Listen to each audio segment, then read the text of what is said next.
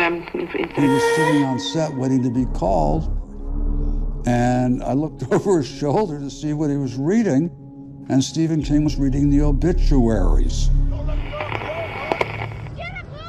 And which I thought was, you know, very telling. En littérature comme au cinéma, c'est le roi de l'horreur.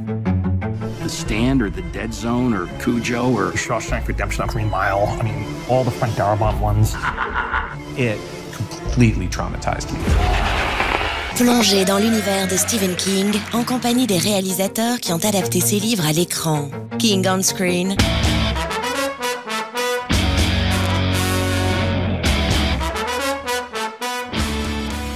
Witam Was, kochani, bardzo serdecznie w kolejnym odcinku podcastu Radio SK.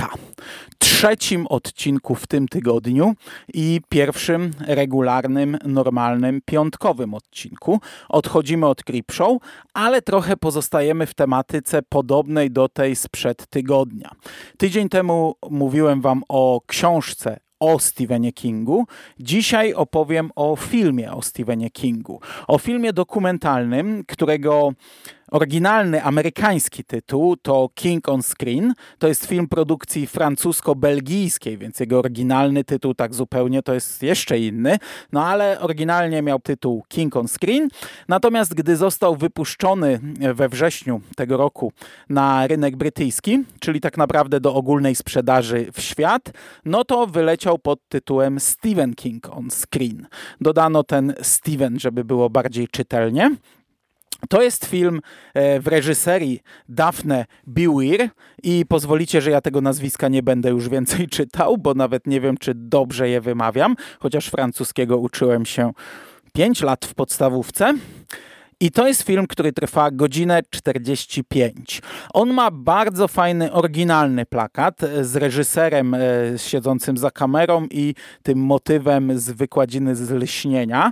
Ma kilka jeszcze innych plakatów. Jeden taki z półką i grzbietami książek ułożonych w pionie i to wszystko, na to wszystko jest nałożona taśma filmowa i taki odpowiedni filtr.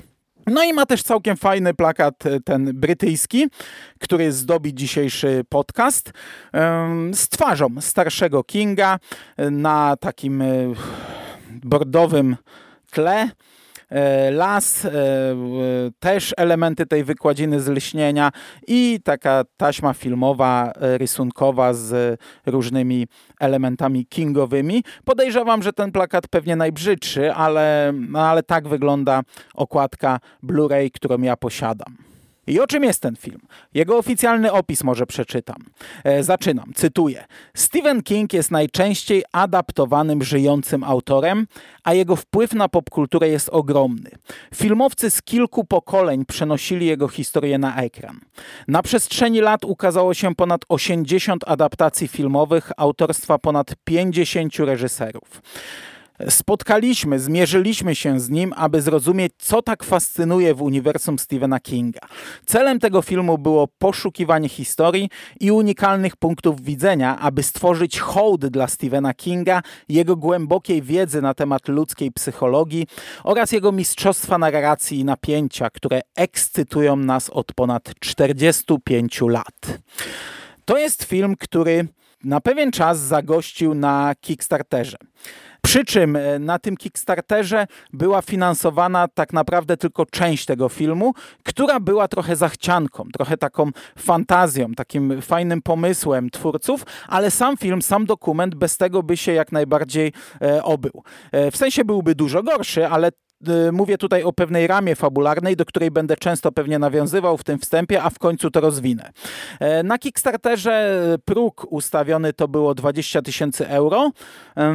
Wsparło ten projekt 202 e, wspierających i zebrano prawie 37 tysięcy euro, czyli no dużo, dużo e, ponad zamierzoną kwotę.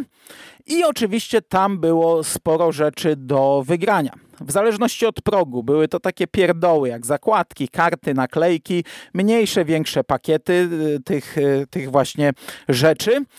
E, można było wygrać dostęp do krótszej wersji filmu, wcześniejszy dostęp do filmu, o tym trochę więcej za chwilę. Wersję książkową filmu, która ostatecznie nie powstała, była ona za wsparcie 40 euro, dokonało tego 18 osób, ale też była ona od progu 40 tysięcy euro, no więc niewiele zabrakło, ale tego nie osiągnięto. Za 60 euro można było dostać DVD z filmem, za 80 euro Blu-raya, plus podziękowanie w napisach końcowych. Natomiast te najwyższe progi to były oryginalne gadżety użyte w filmie. A tych gadżetów to było całe, całe mnóstwo, całe multum. O tym też troszeczkę więcej za chwilę. I między innymi za 180 euro można było zdobyć kartę hotelową lub łódkę SS Georgie albo plakat Have You Seen Ted Brautigan. Za 200 euro piłkę tenisową pana Mercedesa albo łapacza snów. Za 220 poduszkę z motywem lśnienie. Za 230 e, fantastyczną rzecz. E, prawdziwą, nieprawdziwą książkę, która pojawia się w filmie. To jest książka Paula Sheldona pod tytułem Dolores by Me i e, okładkę do tej książki wykonał e, Robert e, Giusti, który ilustrował pierwsze wydanie Misery i To, który robił najprawdopodobniej okładki do tych pierwszych wydań. Za 350 euro można było zdobyć obraz drogowego wirusa, który też pojawia się w filmie. Za 500 euro znak drogowy, e, w sensie taką tabliczkę, która jest pod znakiem drogowym, trochę mniejszą, a za 600 euro to ten duży znak, witamy w Main. E, za tysiaka można było zostać producentem filmu, a za 5000 Mm, także można było zostać producentem, ale z dostępem do materiału zdjęciowego, e, tego wcześniejszego, dokonywanego, tworzonego na bieżąco i otrzymać własne krzesło. I celem tej akcji crowdfundingowej było tak naprawdę stworzenie intra, a dokładnie stworzenie ramy fabularnej, bo tutaj mamy długie intro i króciutkie outro. I to intro w większości było kręcone w main. Pierwsza scena z drona przedstawia samochód jadący po leśnej drodze. Była kręcona jeszcze w Belgii, bo wtedy jeszcze były obostrzenia covidowe i nie mogli nigdzie wyjechać, ale od momentu, gdy trafiamy na stację benzynową w tej fabularnej części, no to przenosimy się już do Bangor w stanie Maine i wszystko jest kręcone w e, oryginalnych kingowych lokacjach. Ja pierwszy raz o tym filmie usłyszałem na jednej z edycji festiwalu Stephen King Rules. Nie pamiętam, czy to była pierwsza, czy druga edycja. E, no, na, na bank mówię o tym w jednym z tych sześciu podcastów, które nagrałem bo pamiętam, że ten film wtedy zrobił na mnie duże wrażenie. Po pierwsze, tam był puszczany specjalny wywiad z reżyserką, a po drugie, pokazali wtedy specjalny teaser, który był właśnie tą pierwszą sceną kręconą z drona, w której samochód jedzie przez las i dojeżdża do miasteczka. No i to był tylko wycinek całego tego intro, o którym zaraz opowiem trochę więcej, ale już ten krótki filmik był mega dobry. On doskonale spełniał swoją funkcję i ja się wtedy ostro nagrzałem czekałem na ten film. Wziąłem go od razu na radar, wziąłem go na celownik i czekałem na jakieś konkrety. I jak teraz to mówię, to myślę, że to była pierwsza edycja festiwalu, bo oni pierwszą część tego intro, tak jak powiedziałem, kręcili jeszcze w Belgii podczas COVID-u, e, mając wtedy nagrane zaledwie 8 wywiadów, e, by właśnie złożyć z tego jakiś pierwszy teaser. A pomysł na całą ramę tego filmu dopiero się narodził wtedy. I oni bardzo chcieli wykorzystać te lokacje zbliżone do Main, mm, ale przez COVID wszystkie lotniska były zamknięte i musieli kręcić e, w małym zespole na miejscu. Dlatego ta belgijska część dzieje się tylko podczas tej jednej sceny w lesie. To jest taki, e, taka sekwencja trochę jak z lśnienia, chociaż bardziej jak z łowcy snów. Widzimy drogę e, przez las od góry. No a druga edycja tego festiwalu Stephen King Rules odbyła się w zeszłe lato, a miesiąc później ten film miał już pokazy online, a wcześniej był chyba pokazywany na jakimś festiwalu, więc to na pewno była pierwsza edycja. I właśnie, te pokazy online, one odbyły się w zeszłym roku, 21 września 2022 roku, w urodziny Stephena Kinga. I miały się wtedy odbyć dwa pokazy specjalne dla fundatorów z Kickstartera. E, pierwszy wieczorny był e, w wersji angielskiej, drugi już w środku nocy, gdzieś tam druga, trzecia w nocy, miał być z francuskimi napisami.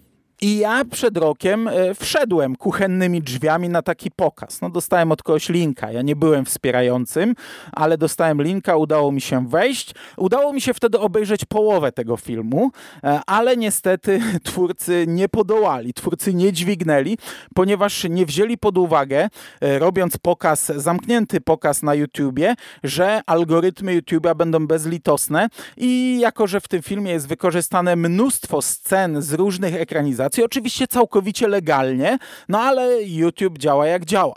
Algorytmy YouTube'a wyłapały te sceny i zablokowały im transmisję. I oni jeszcze przez jakiś czas walczyli, kombinowali, próbowali to wznowić, puścić jeszcze raz, y, ale tak naprawdę po jakimś czasie się poddali i ogłosili, że ta nocna e, transmisja też się nie odbędzie. Natomiast jeśli uda im się wykombinować, jak to obejść, gdzie puścić ten film, to będą o tym informować. No i przez kolejny rok tak naprawdę nikogo nie poinformowali o tym, a film w pewnym momencie wypłynął w świat. Film ukazał się na festiwalach, film ukazał się we francuskiej telewizji, film ukazał się w streamingu. W wakacje zostało e, wypuszczone wydanie DVD e, i Blu-ray albo tylko Blu-ray, ale wydanie takie limitowane i dostępne tylko we Francji i Belgii. Ja mówiłem o tym niedawno we wiadomościach z Martwej Strefy. To pierwsze było napakowane gadżetami. No już nie mówię o zawartości, ta też była bardzo duża, zawartość płyty, ale to pierwsze miało dodatkowo te wszystkie gadżety, te wszystkie pierdółki, całe stosy naklejek, kartek, różnych... pocztówek i tak dalej, i tak dalej. To był taki bardzo duży pakiet. To drugie było już bez tego, ale no, to też było bardziej napakowane niż to wydanie, które ja posiadam i one były odpowiednio drogie. No tam pamiętam w przedsprzedaży to było chyba 50-60 e, euro, ale gdy po tygodniu chyba ta cena skoczyła, już skończyła się promocja i to było 70 albo i więcej euro, nie wiem czy tam to, to, to główne to i nie pod stówę podchodziło.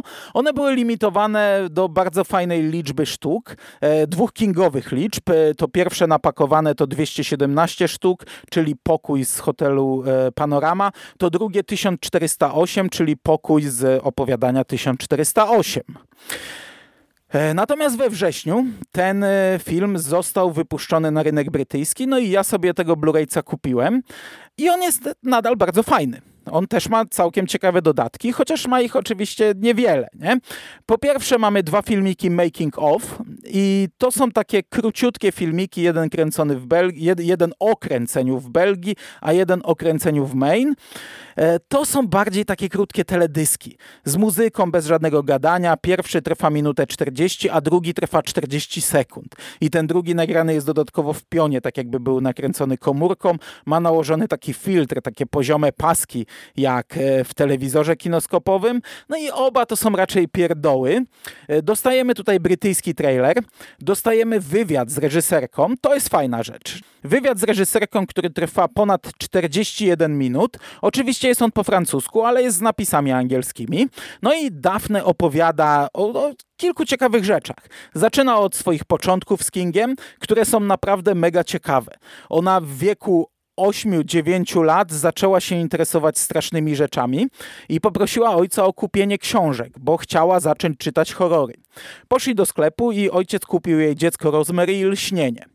E, gdy czytała lśnienie, jej ojciec pracował jako recepcjonista na nocnej zmianie w hotelu i mała Dafne wykorzystała okazję, by spędzić z nim noc w pracy. Ona miała wtedy, przypominam, 8-9 lat.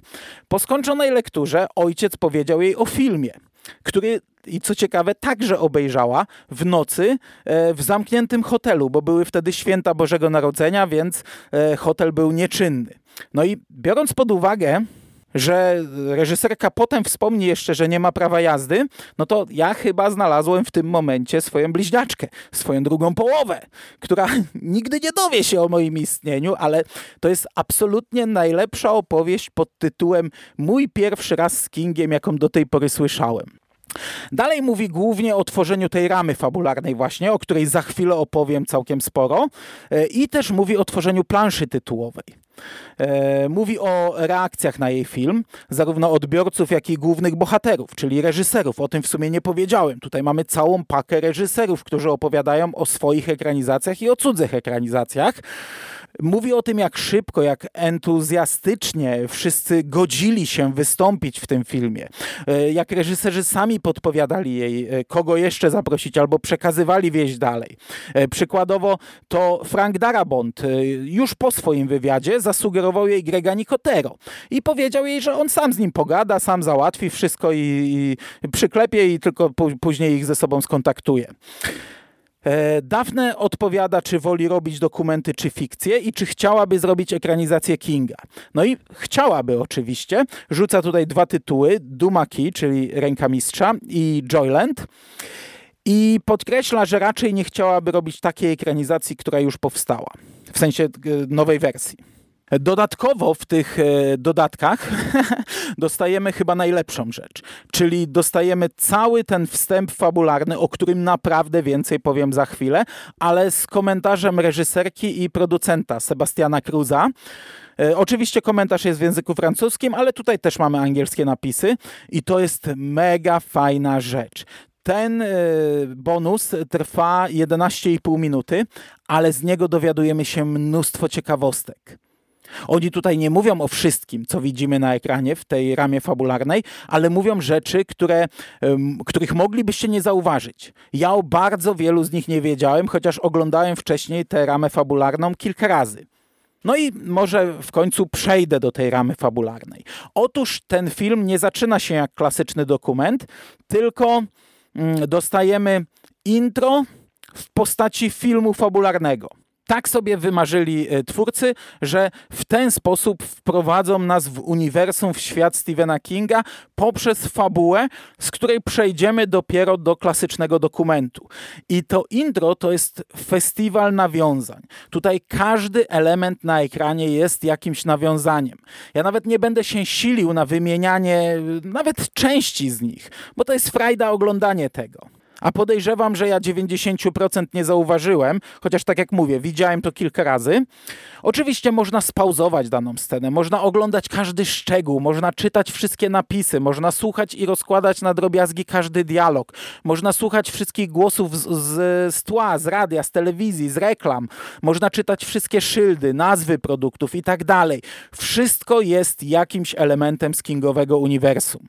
I tak, tak jak mówię, no nie będę się skupiał na takich nawiązaniach w postaci napisów, naklejek, tego co leży na stole, w to w co ludzie są ubrani i tak dalej, ale chciałbym e, zaznaczyć, kogo my zobaczymy w tym intro, bo e, Daphne, reżyserka, nie tylko chciała to nakręcić w Maine, w oryginalnych lokacjach, nie tylko zrobiła festiwal nawiązań, ale chciała, żeby cała ekipa pracująca nad tym intro to były duże nazwiska związane ze Stephenem Kingiem i właśnie dlatego była ta akcja crowdfundingowa, żeby zebrać kasę na ten element tego filmu. I tak, w radiu słyszymy głos Tima Carego czyli oryginalnego Pennywise'a. I on mówi nam o e, rozprzestrzeniającej się epidemii kapitana Tripsa. Na stacji benzynowej, do której dojeżdża główna bohaterka, widzimy Mika Gerisa, który gra niewidomego przechadzającego się z książką, a sprzedawcę na stacji benzynowej, który jest ucharakteryzowany na mordercę z roku Wilkołaka, e, w tego sprzedawcę wcielił się Miko Hughes, czyli aktor, który ponad 30 lat wcześniej grał Gage'a Creeda w pierwszej ekranizacji Cmentarza dla zwierzaków. Gdy bohaterka opuszcza stację, słyszy z głośnika informację ucieczce z więzienia Shawshank i to jest głos Dee Wallace, czyli w kingowych ekranizacjach jest to matka Scujo. Wcześniej słyszymy w radiu głos Jamesa Kana, czyli nadal pozostając tylko na kingowym poletku, Paul Sheldon z Misery. Zresztą aktor, który w lipcu 2022 e, roku zmarł i któremu ten film jest dedykowany. Twórcy mieli też zaplanowaną scenę u Barbera, w której mieli grać Dennis Crosby, czyli Rachel Creed z oryginalnego Cmentarza dla Zwierzaków oraz brat Greenquist, czyli Victor Pascoe z tego samego filmu. Niestety nie udało się akurat tego zrobić. E, mamy za to scenę oglądaną przez szybę Barbera i tam widzimy wyświetlaną na telewizorze zrealizowaną w całości na green screenie i w całości wygenerowaną komputerowo, oprócz oczywiście aktorki, widzimy reklamę, czy też rozpoczęcie teleturnieju Uciekinier i prowadzi go Aleksandra Paul, czyli aktorka znana z serialu Baywatch, która w kingowym uniwersum grała kobiecą postać, grała Lee w Christine. Mamy tutaj sklep Creep Shop.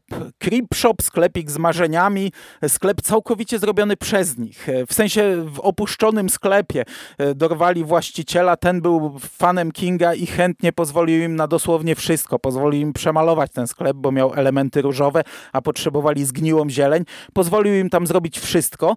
No i na przykład w tym sklepie Creep Shop na mm, wystawie stoi oryginalna kukła Creepa z oryginalnego filmu. Tę kukłę wysłał im Greg Nicotero. I w tej scenie mamy prawdziwy festiwal nawiązań. To jest takie, wiecie, taka wisienka na torcie tego wszystkiego. W tym sklepie jest e, Amy Irving, czyli Susnell z Carrie Briana De Palmy. Jest Ed Wheeler, który grał detektywa Diversa w ekranizacji Chudszego. Jest Karel Streichen, e, bardzo charakterystyczny aktor, który grał w wielu bardzo dobrych produkcjach, no a Kingowo e, grał w filmach Flanagana, w Grze Geralda i w Doktorze Sen. Od odpowiednio Moonlightmana i Dziadzie Flicka. W tym samym sklepie i w tej samej scenie pojawia się Jeffrey DeMoon, kingowy weteran, który grał w ikonicznych ekranizacjach Kinga, wskazanych na Shawshank w Zielonej Mili i w Mgle. E, w tej samej scenie gra Bill Phillips, który jest scenarzystą, był scenarzystą Christine, który wskoczył tak naprawdę w tę rolę w ostatniej chwili, bo jeszcze w nocy przed zdjęciami oni nie mieli aktora do tej roli. I on zgodził się na, w ostatniej chwili i przyleciał specjalnie do Maine. Zresztą oni wszyscy przylecieli specjalnie do Maine, by nagrać pojedyncze sceny do tego intro. Część z Nowego Jorku. Karl przyjechał, przyleciał z Los Angeles. Co ciekawe, tak jak mówiłem, reżyserka nie ma prawa jazdy, więc samochód w intro kieruje między innymi producent Sebastian Cruz i on jest w rudej peruce i ta peruka jest z Frozen. E, no, to taka, tylko taki drobiazg. Ale żeby było e, istotne, chcieli zrobić wypas i nie tylko przed kamerą są duże nazwiska. W tej części zdecydowano się pracować z, z, najlepszym możliwym zespołem i zatrudniono tutaj kilka osób, fanów Kinga, ludzi, którzy pracowali przy bardzo dużych ekranizacjach lub innych znanych filmach i yy, na stronie internetowej tego filmu mamy wyróżnione takie nazwiska. Louis Sequeira to jest projektant kostiumów do filmów e, To rozdział pierwszy i To rozdział drugi, odpowiednio z 2017 i 2019 roku. Kit Show, kolorysta, który pracował przy takich filmach jak Skazani na Shawshank, Zielona Mila, Mgła, ale także przy innych e, bardzo dużych tytułach, przy serialach takich jak e, Better Call Saul, Homeland, e, Ray Donovan, Nancy Drew, Shameless, 24 e, godziny dziedzictwo, Breakout Kings, Doctor House, czy też w filmach Fanboys, Obłęd, Dom Woskowych Ciał z 2005 roku, Troja, Złodziej Życia, Starski Hacz, Bezsenność, Majestic, no, mamy tutaj Dina Andre, projektanta dźwięku. Pracował chociażby przy niesamowitym Spider-Manie, ale na koncie ma bardzo wiele innych filmów. E, muzykę stworzył Nicolas Pike, który ma na koncie bardzo dużo kingowych ekranizacji. Pracował przy, głównie przy projektach autorstwa Mika Garisa. Worek Kości, Desperacja, Jazda na kuli, Lśnienie, Lunatycy, czy też Duchy Michaela Jacksona. E, za muzykę we wstępie odpowiada też Jonathan Miller, który robił soundtrack do takich filmów jak Oryginalny Dzień Niepodległości, Trainspotting, Zodiac, Nie oddychaj, Martwe Złoto z 2013 roku, Wzgórza mają oczy 2 z 2007 roku, Hellraiser 3 i 4, Dzieci Kukurydzy 3. Też pracował przy duchach Michaela Jacksona. E, był też asystentem dźwiękowca i to był jego debiut przy jednym odcinku serialu Robin Sherwood.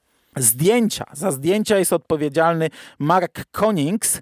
On pracował przy Klejnocie Nilu, przy Frantik Romana Polańskiego, Francuski Pocałunek, Miasto Zaginionych Dzieci. Także widzicie, że naprawdę zrobiono ten wstęp profesjonalnie. Ja przypominam, że ten film jest robiony przez amatorów. Znaczy, oni mają na swoim koncie, to są filmowcy, ale to jest mała ekipa. To są ludzie, którzy z pasją chcieli zrobić ten film.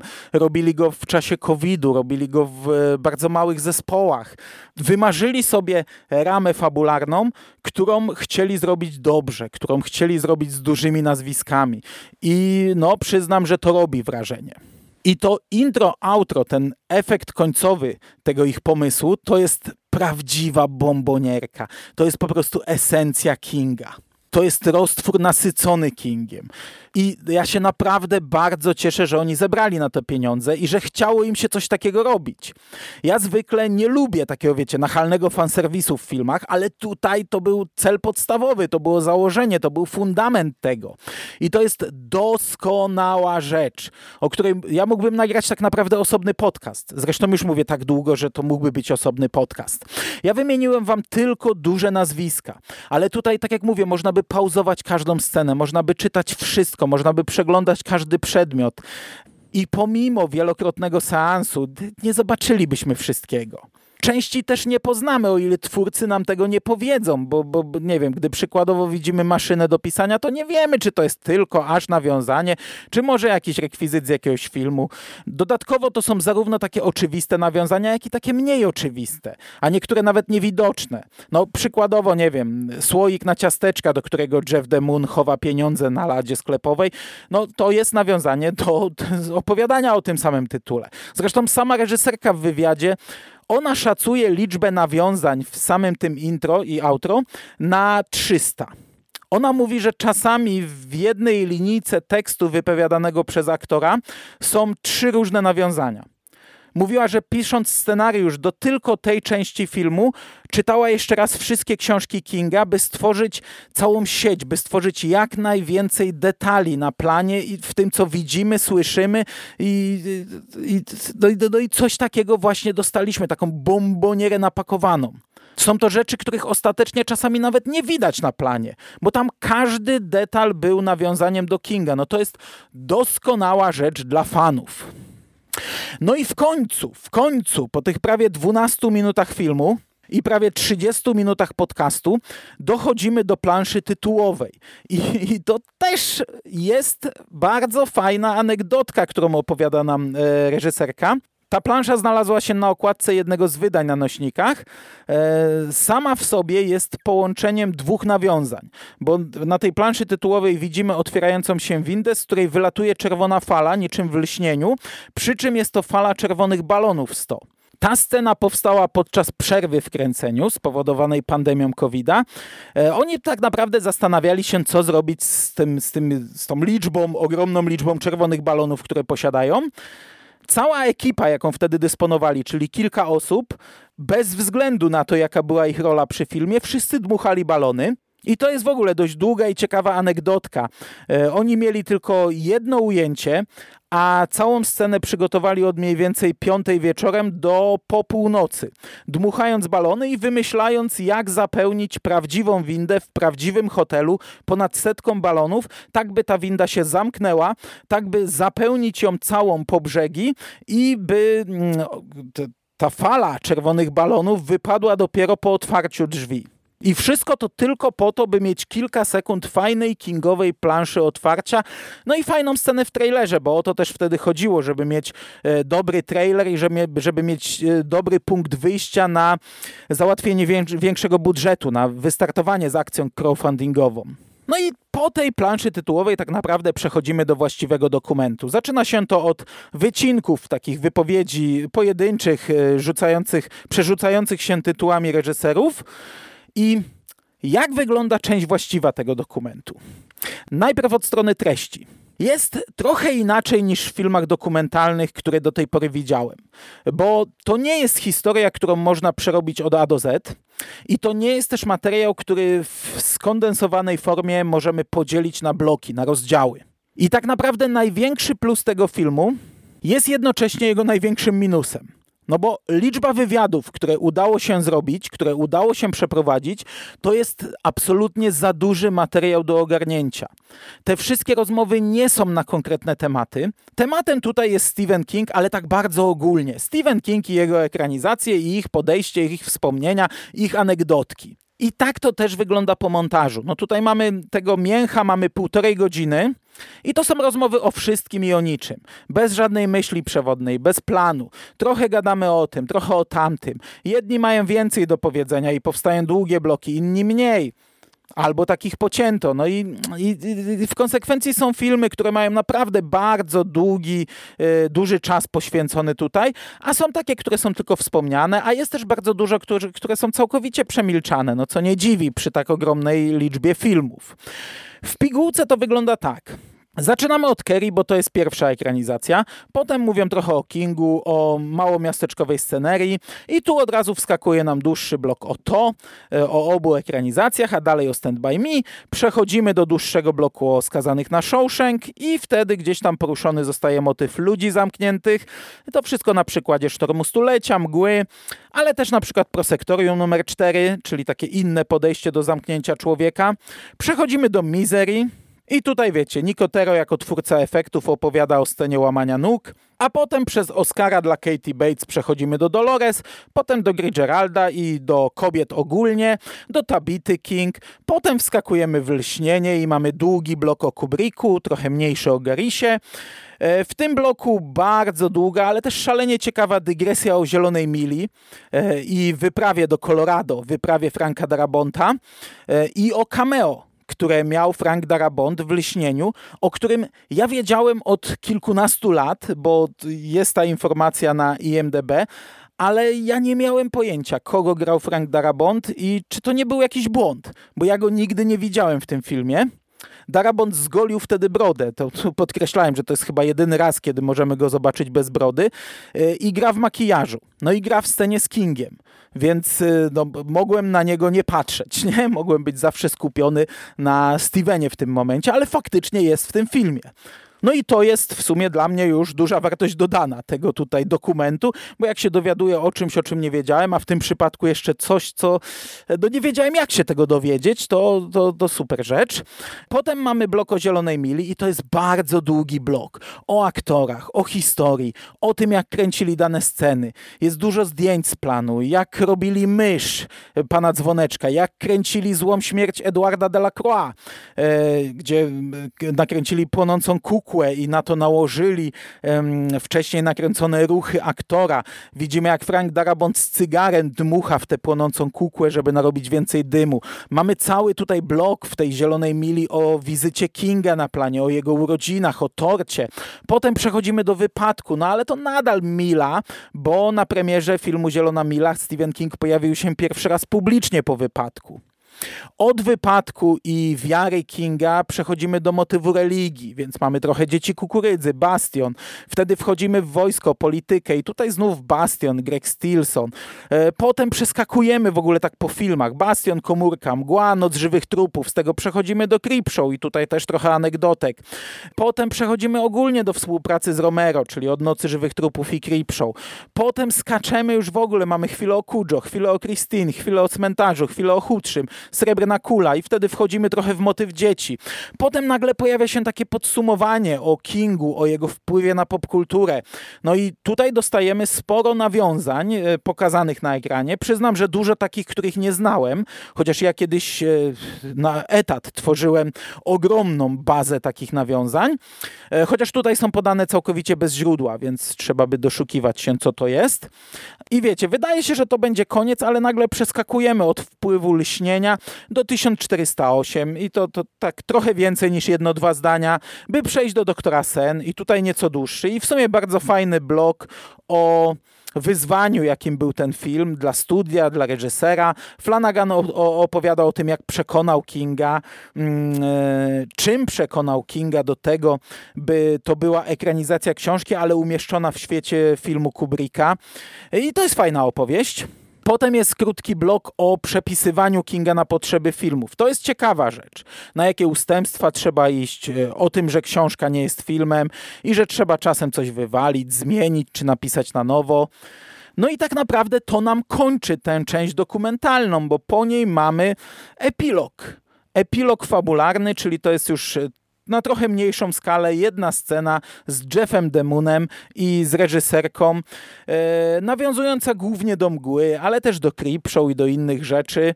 Natomiast całe napisy są zrobione z e, kolejnymi wycinkami, wycinkami z wywiadów, takie, które nie trafiły do tego filmu, e, które są przeplatane wycinkami z występów Kinga w talk showach. No i po tym moim przydługim streszczeniu widzicie, że jest trochę chaotycznie. Nie ma jakiejś myśli przewodniej. Oczywiście wszystko to jest wypełnione ciekawymi mm, wypowiedziami, no ale jednak Czasami jest to dosłownie kilka zdań i jakiś fragment filmu. Czasami jest to bardzo długi blog z jakimiś anegdotami. I ja mam bardzo duży problem z oceną całości. Bo z jednej strony to jest fajne. Tu jest ogromna paka twórców. Oni mówią ciekawie, mówią z pasją. Widać, że film był tworzony przez ludzi, którzy kochają ten temat i sprowadzili też takich rozmówców, którzy właśnie kochają to, co robili i wielu z nich jest wielkimi fanami Stephena Kinga. Ale, no właśnie, ale to jest chaos. Niby próbują się czasem trzymać jakichś tematów, układać to pod dany temat, e, serwować jakieś przejścia z tematu na temat, ale nadal to jest klejenie tego całego ogromu, tego całego chaosu na ślinę i taśmę. Do tego tutaj mamy zbiór anegdotek, wiecie, jak z dokumentu dołożonego do dodatków na nośniku z danym filmem. Darabont opowiada bardzo dużo o aktorach w Zielonej Mili. Ma bardzo długi, e, bardzo długą wstawkę, w której mówi, jak wspaniale pracowało się z Tomem Hanksem. Nicotero mówi o scenie łamania nóg z mizerii. Harrison o koraluchach na planie w Creepshow. I, I to są ciekawe rzeczy. Nawet jeśli słyszeliśmy je już kilka razy w innych wywiadach, a jeśli oglądacie takie rzeczy, to na pewno słyszeliście. Ale no, ja myślę, że film dokumentalny pod tytułem Stephen King on Screen powinien zawierać coś innego powinniśmy wyciąć te wszystkie rzeczy, powinniśmy wziąć jakąś myśl przewodnią i skupić się na niej. Mając świadomość tego całego ogromu materiału, ogromu rozmówców, e, powinni skupić się na konkretnych rzeczach związanych z tym tematem czyli ze Stephenem Kingiem. Ułożyć te pytania pod bloki, bardziej ujednolicić te rozmowy, by można było je montować ze sobą i przeplatać różne wypowiedzi na dany temat. E, porozmawiać o tym, jak się ekranizuje Kinga, co jest łatwe, co jest trudne, jak wygląda współpraca z nim, e, jakie decyzje trzeba podjąć podczas pisania scenariuszy. No te rzeczy tutaj niby są, ale są marginesem, są w pigułce. One, one wiecie, znajdują się w morzu innych rzeczy. A wydaje mi się, że to one powinny być sednem. No bo anegdotka o smarowaniu ścian wazeliną na planie Creepshow, po której karaluchy miały się nie ześlizgiwać, a i tak uciekły i wiele innych podobnych historii, no to to są rzeczy ciekawe, ale w takim filmie są zbędne i robią chaos. A tak jak powiedziałem, tutaj mamy multum twórców. Ja naliczyłem 29 nazwisk, 29 twórców kingowych filmów. To są duże nazwiska często. Frank Darabont, Mick Garris, Mike Flanagan. Mamy reżysera Czarnego Cadillaca, mamy Louisa Tick, reżysera Kujo i Okakota. Mamy reżysera 1408, Komórki, Craiga R. Baxleya, który zrobił Czerwoną Różę, Sztorm Stulecia, Szpital Królestwo. Mamy reżysera Kerry z 2002 roku, tej telewizyjnej Scotta Hicksa, który zrobił Serca Atlantydów, twórców Cmentarza dla Zwierzaków z 2019 roku, Marka Lestera, reżysera Podpalaczki, Taylora Hackforda, który zrobił Dolores Claiborne. Mamy twórcę 1922, e, Fritza Kirscha, który reżyserował oryginalne Dzieci Kukurydzy, e, Toma Hollanda, który robił Langoliery i Przeklętych. Mamy Grega Nicotero, mamy Johna Harrisona, e, mamy Vincento Natali, który robił w Wysokiej Trawie i część Bastionu. Mamy reżysera Sprzedawcy Śmierci, czyli ekranizacji Sklepiku z Marzeniami. Majka Salomona, który robił Wielkiego Kierowcę, Miasteczko Salem z 2004 roku i Marzenia i Koszmary. Josha Buna, który robił Bastion. Mamy reżysera Czasami Wracają, e, Srebrnej Kuli, Krainy Wiecznego Szczęścia, mm, ale też mamy na przykład dwóch twórców dolarów. E, filmów z kategorii Dollar Babies i to jest J.P. Scott, który zrobił ten długi dolar e, pełnometrażowy, wszystko jest względne oraz James Douglas, który zrobił Sprawę Doktora, bardzo profesjonalny film amatorski i który jest jednym z twórców e, festiwalu Stephen King Rules. I to wszystko jest tutaj na zasadzie montażu, pociętych, krótkich wypowiedzi, ale też czasami długich bloków. E, Frank Darabont ma bardzo długie bloki. I to jest rzecz mega trudna do ogarnięcia bez planu, o którym mówiłem już e, wystarczająco dużo. Ja jestem bardzo ciekaw, jak prezentowały się poszczególne rozmowy indywidualne, jakie długie były i czy same w sobie były na tyle ciekawe, by stanowić materiał na samodzielny twór. No i ja przyznam, że bardzo dziwi mi, że twórcy nie ruszyli z serią podcastów, tak jak zrobił to Eli Roth e, przy swoim serialu Historia horroru. Nie rozumiem, dlaczego tego nie zrobili. Ja bym chętnie to przesłuchał, szczególnie, że tutaj byłyby to konkretnie kingowe rzeczy z kingowymi nazwiskami. No i pewnie Jerry też by przesłuchał, a wy dzisiaj słuchalibyście dyskusji, a nie monologu i mielibyśmy znacznie więcej do powiedzenia na temat samej treści, czyli sedna tego filmu. Dobra, i to tyle, jeśli chodzi o treść właśnie. Na koniec dwa zdania o stronie technicznej i tutaj też niestety będę miał trochę uwag, ponieważ dźwięk w tym filmie jest bardzo nierówny. To już mi się rzuciło bardzo mocno w uszy podczas tego pierwszego seansu, tej połowy, takiego seansu w stylu skóry. Obejrzałem połowę, ale pierwszą, nie drugą. I dźwięk w tym filmie jest niestety bardzo nierówny i niestety danie główne, czyli wypowiedzi reżyserów są najciszej. Muzyka w tym filmie jest niby jako tło do wypowiedzi, ale ona jest za głośna i czasami jest zbyt dzika. Szczególnie mocno to uderza na samym początku tej, tej, tej części dokumentalnej, kiedy omawiana jest Kerry. E, w tym bloku mamy dość ag agresywny podkład. I, I wiecie, to już na starcie nie pozostawia wątpliwości, że będzie to utrudnienie podczas seansu. Oczywiście przy takich filmach jak Skazani na Shawshank czy Zielona Mila muzyka jest dużo bardziej stonowana i to jest lepsze. Czasami w ogóle nie ma muzyki, no ale nadal pozostają różnice w podbiciu ścieżek. Do tego wiecie, jeszcze dochodzą fragmenty filmów, które też mają swoje dźwięki. Na to nałożona jest głośna muzyka, no i czasami mamy takie trzy linie: muzyka, dźwięk z filmu i wchodząca wypowiedź twórcy. I bardzo często tej wypowiedzi twórcy, tego krótkiego fragmentu, po prostu nie słychać. A niestety na płycie nie ma angielskich napisów, także w ten sposób nie można sobie ułatwić. Przy czym, żeby było jasne, to nie jest rzecz, która pogrzebie ten film. To jest uciążliwe, ale nie na tyle, by nie zrozumieć tego filmu. Oczywiście, dźwięk jest jego minusem, muzyka nie jest tłem, e, jeśli gra, to jest na pierwszym planie. Czasami, tak jak powiedziałem, nie gra, ale i tak rozmowy są nagrywane cicho i to słychać. E, słychać, jak, jak zmieniają się te ścieżki. E, to nie jest w ogóle wyrównane. Czasami te fragmenty filmów naprawdę zawyją nagle, inne są ciszej, nagrania z planu są dość głośno, a potem wiecie, przechodzimy do dalszej wypowiedzi twórcy i jakbyście o połowę ściszyli, ale, ale ten film w całości jest raczej zrozumiały. Więc nie jest to tak gigantyczny problem, by dyskwalifikował ten film. No dobrze, i to by było w zasadzie wszystko. Podsumowując, ja bardzo czekałem na ten film i bardzo się cieszę, że on został wypuszczony do szerszej dystrybucji i mogłem go obejrzeć. Bardzo się cieszę, że mam go w swojej kolekcji, mam go na półce, bo też nie wiem, jak długo on będzie dostępny. Ten film mi się podobał. Ja mam do niego bardzo dużo uwag i myślę, że trochę zmarnowano potencjał tego, co można było tutaj osiągnąć. Ale też ciężko powiedzieć mi, czy ja miałem jakieś sprecyzowane oczekiwania wcześniej, przed seansem i czy zostałem jakoś bardzo mocno rozczarowany. To cały czas jest rzecz, której dotąd nie było. Oczywiście, można to było zrobić lepiej. Dostalibyśmy świetną rzecz, której dotąd nie było, ale to nadal jest y, jakiś ewenement. Zrobiony na skalę, której dotąd też nie było zrobiony przez amatorów w warunkach mocno niesprzyjających. I gdybym obejrzał ten film z drugiego obiegu, to ja i tak bym sobie go kupił na nośniku.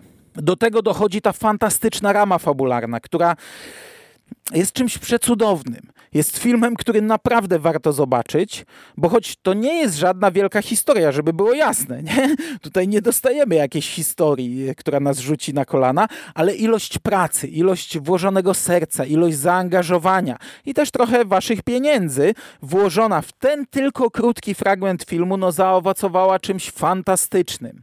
Także ostatecznie ciężko jest mi powiedzieć, czy polecam zakup, bo to jest jednak kwota, no nie wiem, 100-130 zł, ale ja sam bardzo się cieszę, że ten film kupiłem. I to by było chyba na dzisiaj wszystko. Ja Wam dziękuję bardzo, moi drodzy, za uwagę. Trzymajcie się ciepło. Do usłyszenia w przyszłości, pewnie bardzo bliskiej, o Creep. Cześć!